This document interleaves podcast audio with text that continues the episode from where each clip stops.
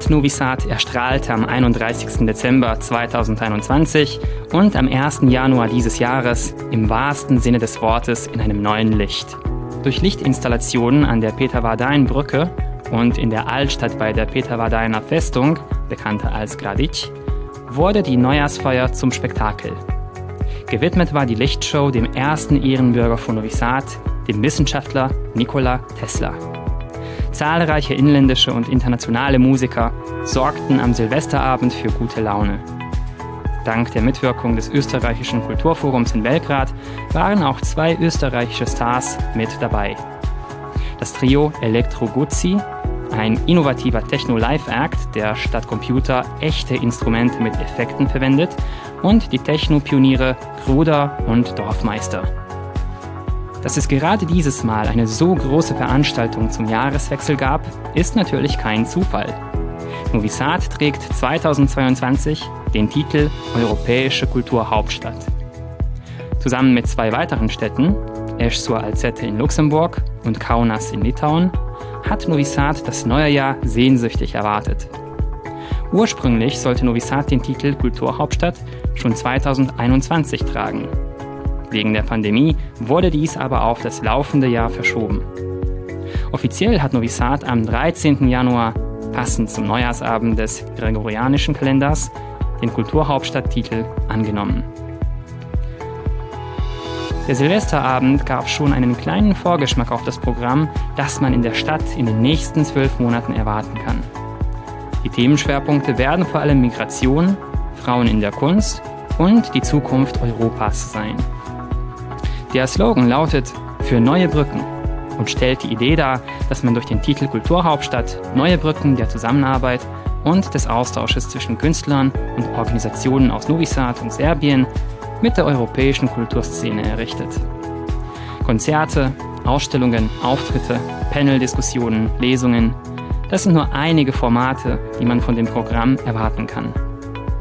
Unter den internationalen Gästen sind auch viele Namen aus den deutschsprachigen Ländern, Wichtige Partner des Programms sind das Goethe-Institut Belgrad und das Österreichische Kulturforum Belgrad.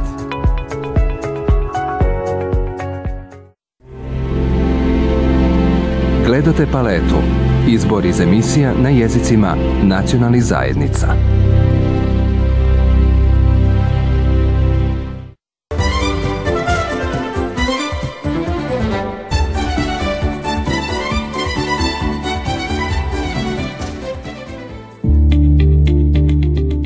Nuklearkatastrophe von Fukushima markierte ein Wendejahr für das deutsche Energiekonzept und beschleunigte den stufenweisen Ausstieg aus der Kernkraft.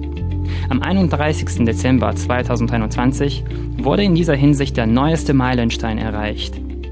Drei weitere Kernkraftwerke wurden am Silvestertag für immer stillgelegt. Es handelt sich dabei um die Kernkraftwerke Krone in Niedersachsen, Gundremmingen C in Bayern und Bruckdorf in Schleswig-Holstein. Der Atomausstieg war für den BUND schon seit Dekaden ein Herzensthema, weil für uns die, äh, die Technologie einfach zu risikobehaftet ist. Ähm, und in der heutigen Situation macht sich nochmal deutlicher, dass es wirklich wichtig ist, dass wir aus dieser etwas unsichereren, teuren, nicht nachhaltigen Technologie aussteigen. Ende 22 sind es dann noch der Emsland-Reaktor ISA äh, 2 und Neckar-Western 2 die drei werden die letzten Meiler sein, die abgeschaltet werden. Und damit ist der Atomausstieg dann komplett, wobei wir auch sagen, ganz komplett ist der in Deutschland noch nicht. Ähm, es gibt immer noch Urananreicherungsanlagen in Deutschland, wie die in Kronau. Es gibt Brennelementefabriken, wie die in Lingen. Es gibt auch einen Forschungsreaktor in Garching, der sogar noch mit waffenfähigem ähm, Uran arbeitet. Die Abschaltung der Kraftwerke ist aber erst der Anfang. Es folgt nämlich der Rückbau der Nuklearanlagen. Tausende Tonnen von Material müssen nun entsorgt werden. Mit so viel bevorstehender Arbeit wird vorerst niemand seinen Arbeitsplatz verlieren, doch in allen drei Kraftwerken wird damit gerechnet, dass die Anzahl der Arbeiter im Laufe des Jahres 2022 reduziert wird. Der Bürgermeister von Gundremmingen ist aber zuversichtlich, dass die Abschaltung des Kraftwerkes keine schwerwiegenden wirtschaftlichen Folgen für die Ortschaft haben wird. Wir machen uns hier keine Sorgen, dass wir deshalb in wirtschaftliche Schieflage kommen. Wir haben über die letzten Jahre sehr gut vorgesorgt. Und auf der anderen Seite muss man auch sagen, Gundremmingen besteht nicht nur aus dem Kankerwerk Gundremmingen, was die Gewerbesteuerzahlungen angeht. Wir haben sehr gute und sehr solvente Firmen auch hier noch vor Ort, die weiterhin mit Gewerbesteuer bei uns mitzahlen. Während Deutschland bis Ende 2022 auch die drei letzten Atomkraftwerke abschalten will, sind nicht alle Mitgliedstaaten der EU einig darüber, wie denn der Weg nach vorne aussehen sollte. So sieht Frankreichs Präsident Emmanuel Macron gerade in der Kernkraft die Lösung für die erhoffte Klimaneutralität. Kein Wunder eigentlich, wenn man in Betracht zieht, dass in Frankreich sage und schreibe 57 Nuklearanlagen in Betrieb sind, die die Republik mit über 70 Prozent ihres Stromes versorgen. Und wie es aussieht, ist Frankreich momentan der Sieger in dieser Debatte, da nach der jüngsten Entscheidung der EU auch Kernenergie als nachhaltig gelten soll. Obwohl das besonders Deutschland und Österreich sauer aufstößt, hat das Lager der Atomkraftgegner in der Union zu wenig Gewicht, um die Einstufung abzuwenden.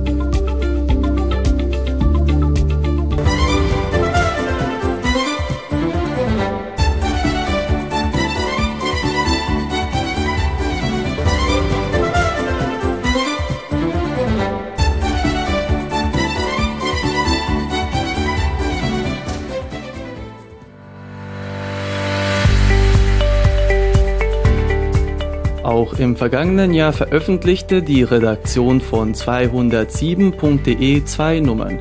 Die vierte am 31. Juni und die fünfte am 16. Dezember.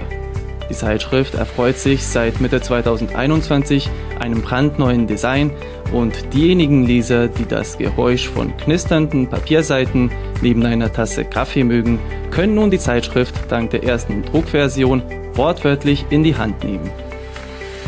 Wieso habt ihr euch eigentlich dazu entschieden, die Zeitschrift auch zu drucken? Ja, also wir haben diese äh, Gelegenheit bekommen und wir haben uns einstimmig äh, entschieden, äh, auch diese Option auszuprobieren. Wir waren der Meinung, dass äh, die gedruckte Version äh, auch unsere Zeitschrift verbreiten äh, kann. und was ist eigentlich passiert? Also wir haben doppelt mehr äh, Texten äh, äußere Redaktion erhalten. Und wie immer sind die verschiedensten Themen im Rahmen der deutschen Sprache, Kultur und Literatur vertreten. Die Redaktion plant außerdem ein Vorstellungsvideo und sie wurde vor kurzem um zwei neue Mitglieder reicher.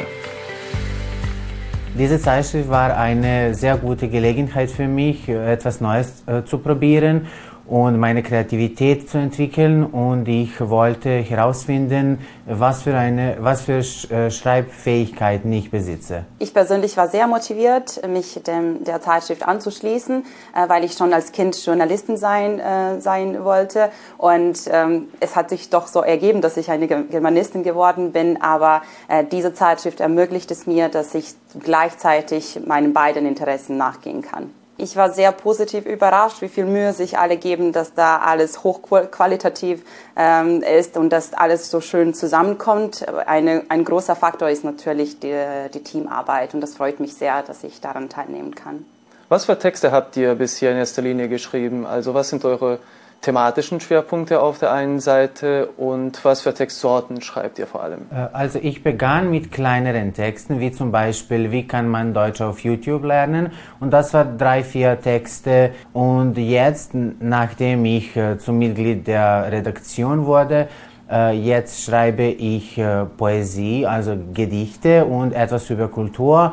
Also ich kann sagen, dass meine Schreibfähigkeiten und meine Kreativität zu einem höheren äh, äh, Niveau kamen. Ich habe bis jetzt nur einen Text geschrieben und das war ein Text über deutschsprachige Podcasts. Es war mir sehr wichtig, dass ich mit sozusagen leichter Kost anfange ähm, und ich wollte unbedingt, dass ich über etwas Aktuelles ähm, schreibe.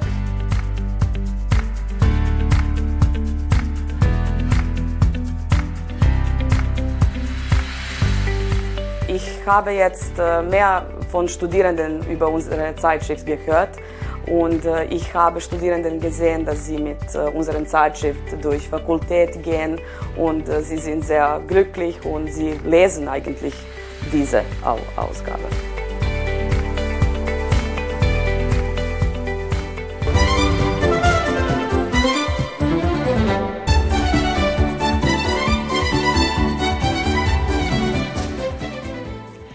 Es ist Mitte Dezember und wir befinden uns in Sombor. Hier feiert man den Tag der deutschen Minderheit in der Vojvodina. Am 18. Dezember kamen um die 100 Vertreter der deutschen Minderheit in Sombor zusammen, worauf die Besichtigung des Museums der Donauschwaben ein buntes Programm im Rathaus der Stadt folgte.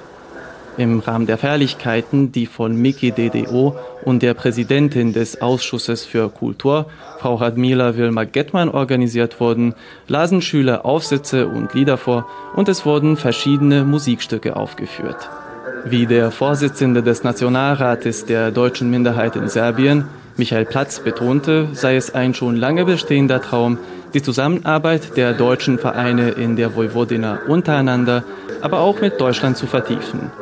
Dieser Traum ginge mehr und mehr in Erfüllung und die Vereine arbeiten aktiv am Erhalt des deutschen Kulturgutes in unserem Land.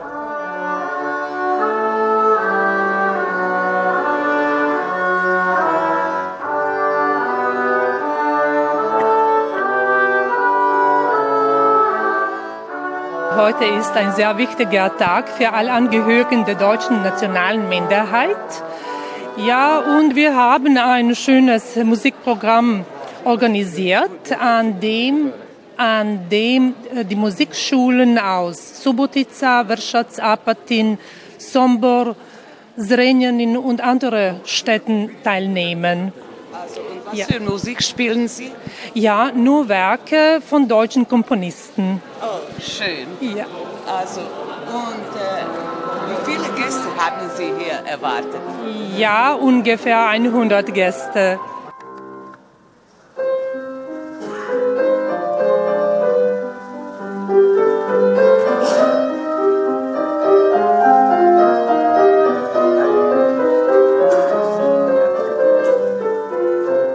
Ich komme vom Goethe-Institut Belgrad und ich freue mich sehr, heute in Sombor zu sein und besonders in diesen schweren Zeiten bin ich sehr froh über das Engagement der deutschen Minderheit, vor allem der Deo-Stiftung aus Bella Cirqua, die mit unserer Unterstützung dieses schöne Event heute organisiert hat. Und was bedeutet für Sie dieser Tag der deutschen Minderheit in der Vojvodina? Also Tage für Minderheiten sind für mich ganz besonders wichtig. Ich denke, wir alle gehören zu Minderheiten, egal wo wir uns befinden. Ich zum Beispiel bin eine Frau, das ist auch eine Minderheit. Und für die deutsche Minderheit in der Vojvodina ist es ein wunderschönes Signal, dass wir jetzt zum Ende des Jahres uns hier versammeln und ein gemeinsames Fest haben.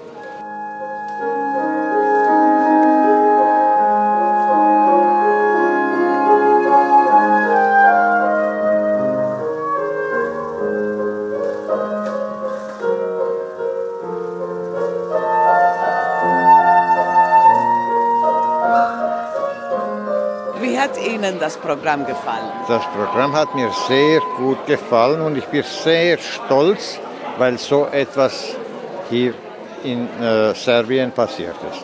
Weil ja, und äh, wie ich sehe, Sie haben eine schöne Tracht an. Ja, ja das ist schön, äh, weil uns äh, äh, ist ermöglicht, dass wir auch die Tracht zeigen, äh, dass wir auch eine Tracht gehabt haben.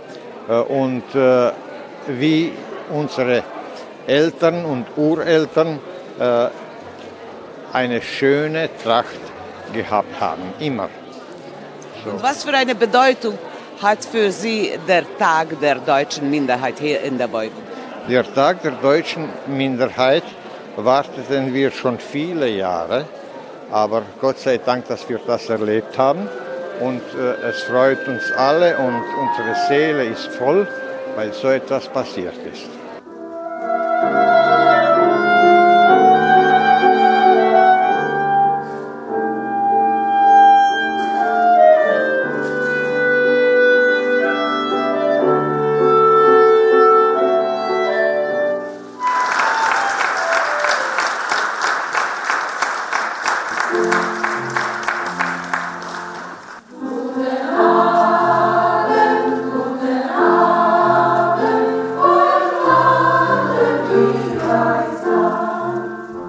Maria Theresiopolis ist zum Feier auch nicht mit leeren Händen gekommen, nicht wahr? Ja, genau. Wie oft Jetzt sind wir hier wieder mit unserer Chor Edelweiß und die Damen haben vier Lieder gesungen und ich bin sehr stolz, dass statt Corona und die alle ganze Situation in generell, die Damen sind hier und singen auf Deutsch immer, immer wieder. Und äh, wie hat es Ihnen das Programm gefallen? Es war wirklich sehr, sehr schön. Dieses deutsche Programm war für mich besonders äh, nett und äh, ich finde es sehr schön, dass äh, dieses Mal war das erste Mal, dass wir konnten unseren Feiertag äh, feiern hier in Sombor.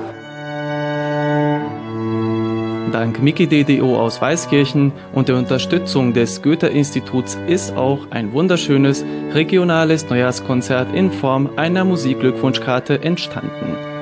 Die Teilnehmer aus Subotica, Skopje, Belgrad, Szeged, Osijek, Trebinje, Herzeg Novi, Großbetschgerek und Verschetz haben Johann Bachelbels Kanon in D-Major aufgeführt.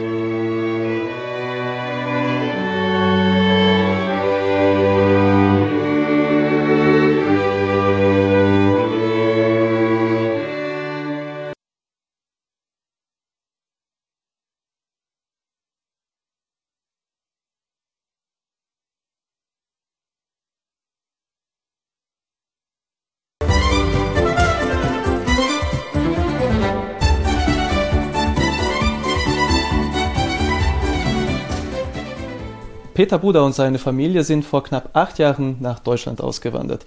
Nun befinden wir uns aber in Novi Sad in ihrem Heim, um ein bisschen über ihre Familiengeschichte zu hören. Herr Buda, danke, dass Sie äh, uns in Ihrem Heim willkommen geheißen haben. Ich möchte Sie zuerst um eine ja, kurze Vorgeschichte quasi bitten. Erzählen Sie mir, wo Sie geboren sind, wo Sie aufgewachsen und äh, gelebt haben und äh, wie Ihre Ausbildung war, bevor Sie nach Deutschland gezogen sind.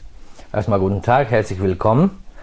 Äh, ja, ich bin in Budapest in Ungarn geboren und hier im Novi Sad groß geworden. So, ich war zwei oder drei Jahre alt, wenn wir hier nach Jugoslawien zurückgekehrt haben.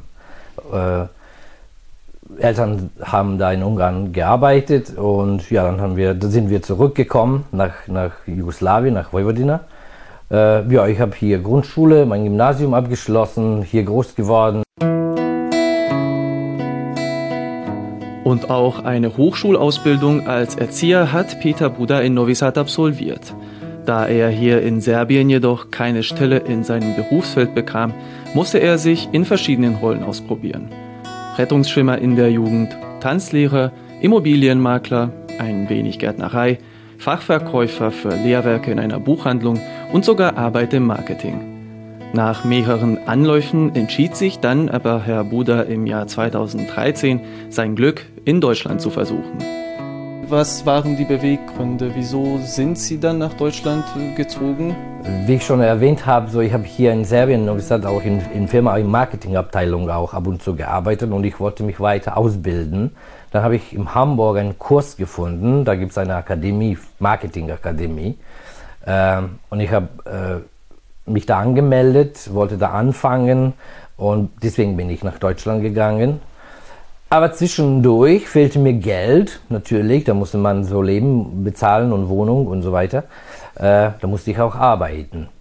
Und dann peu à peu ähm, habe ich immer wieder Arbeit gefunden und gesucht und gearbeitet und dann ist es so passiert, dass ähm, Chef, wo ich so kurzfristig so ne, gearbeitet habe, hat mir angeboten, dann mich da anzumelden und so weiter und so fort und Angebot habe ich einfach angenommen. Wir wollten nicht passen, so ne, verpassen und deswegen habe ich es angenommen und so bin ich da geblieben.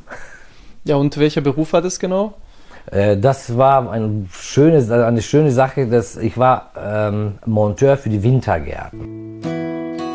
Bevor auch Peter Budas Frau und Kinder nachgezogen wurden, musste die Familie anfänglich vier Monate getrennt leben. Leicht war das für sie nicht. Wie Herr Buddha sagt, sei die Entscheidung zur Auswanderung nicht leicht gefallen. Und er würde sich manchmal auch heute noch fragen, ob das der richtige Weg war.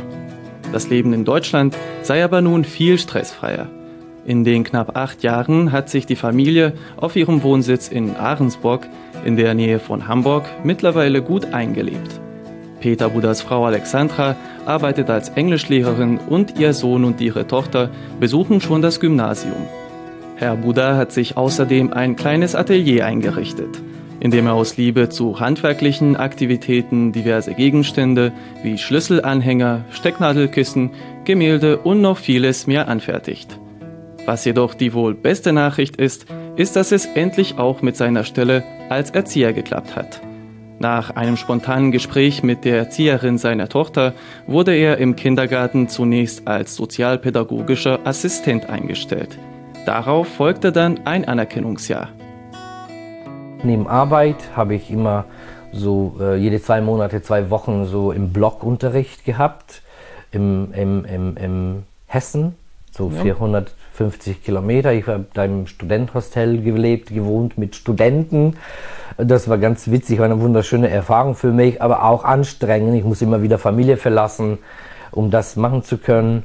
Aber wir haben alle ausgehalten und so ein Jahr später habe ich meine Abschlussprüfung und Abschlussarbeit abgegeben und äh, bestanden und so habe ich meine Anerkennung bekommen. Und jetzt arbeiten Sie dann auch als ja, Erzieher? Genau. Jetzt arbeite ich als Erzieher. Ich habe meine eigene Gruppe, 20 Kinder, meine Arbeit, Gruppenkollegin und ist alles wunderbar.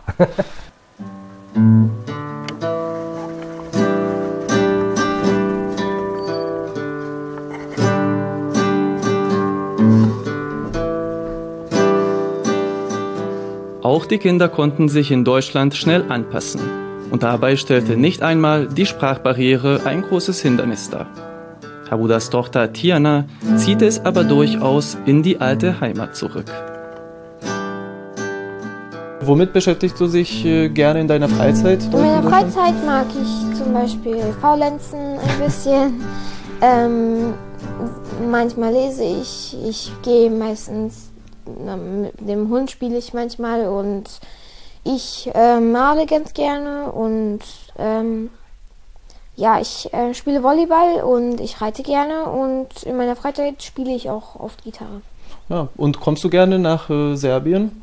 Ja, ja, sehr gerne, da ich meine Oma liebe und dass ich meine Familie sehen kann, das ist auch ganz schön. Und ja, wenn wir die Zeit haben, dann kommen wir natürlich hier nach Serbien. Ja. Womit möchtest du dich vielleicht ganz gerne dort in Deutschland beschäftigen? Also ich möchte gerne Tierärztin werden, aber nicht in Deutschland, sondern hier in Serbien.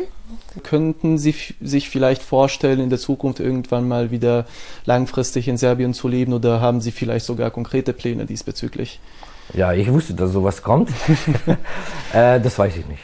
Das weiß ich nicht, sondern ich sage immer, äh, was soll ich hier machen, wenn meine Kinder und meine Enkelkinder da in Deutschland leben, äh, was soll ich denn hier machen? Ich möchte mir einen Hut kaufen und meinen Gehstock nehmen und meine Enkelkinder zum Eis bringen, so, ne? zum Eisessen bringen. So, das, was soll ich dann hier machen? Wenn ich in meine Kita komme, dann gehen unsere Spiele los. Wir spielen, malen, basteln oder send them out, I'm sure.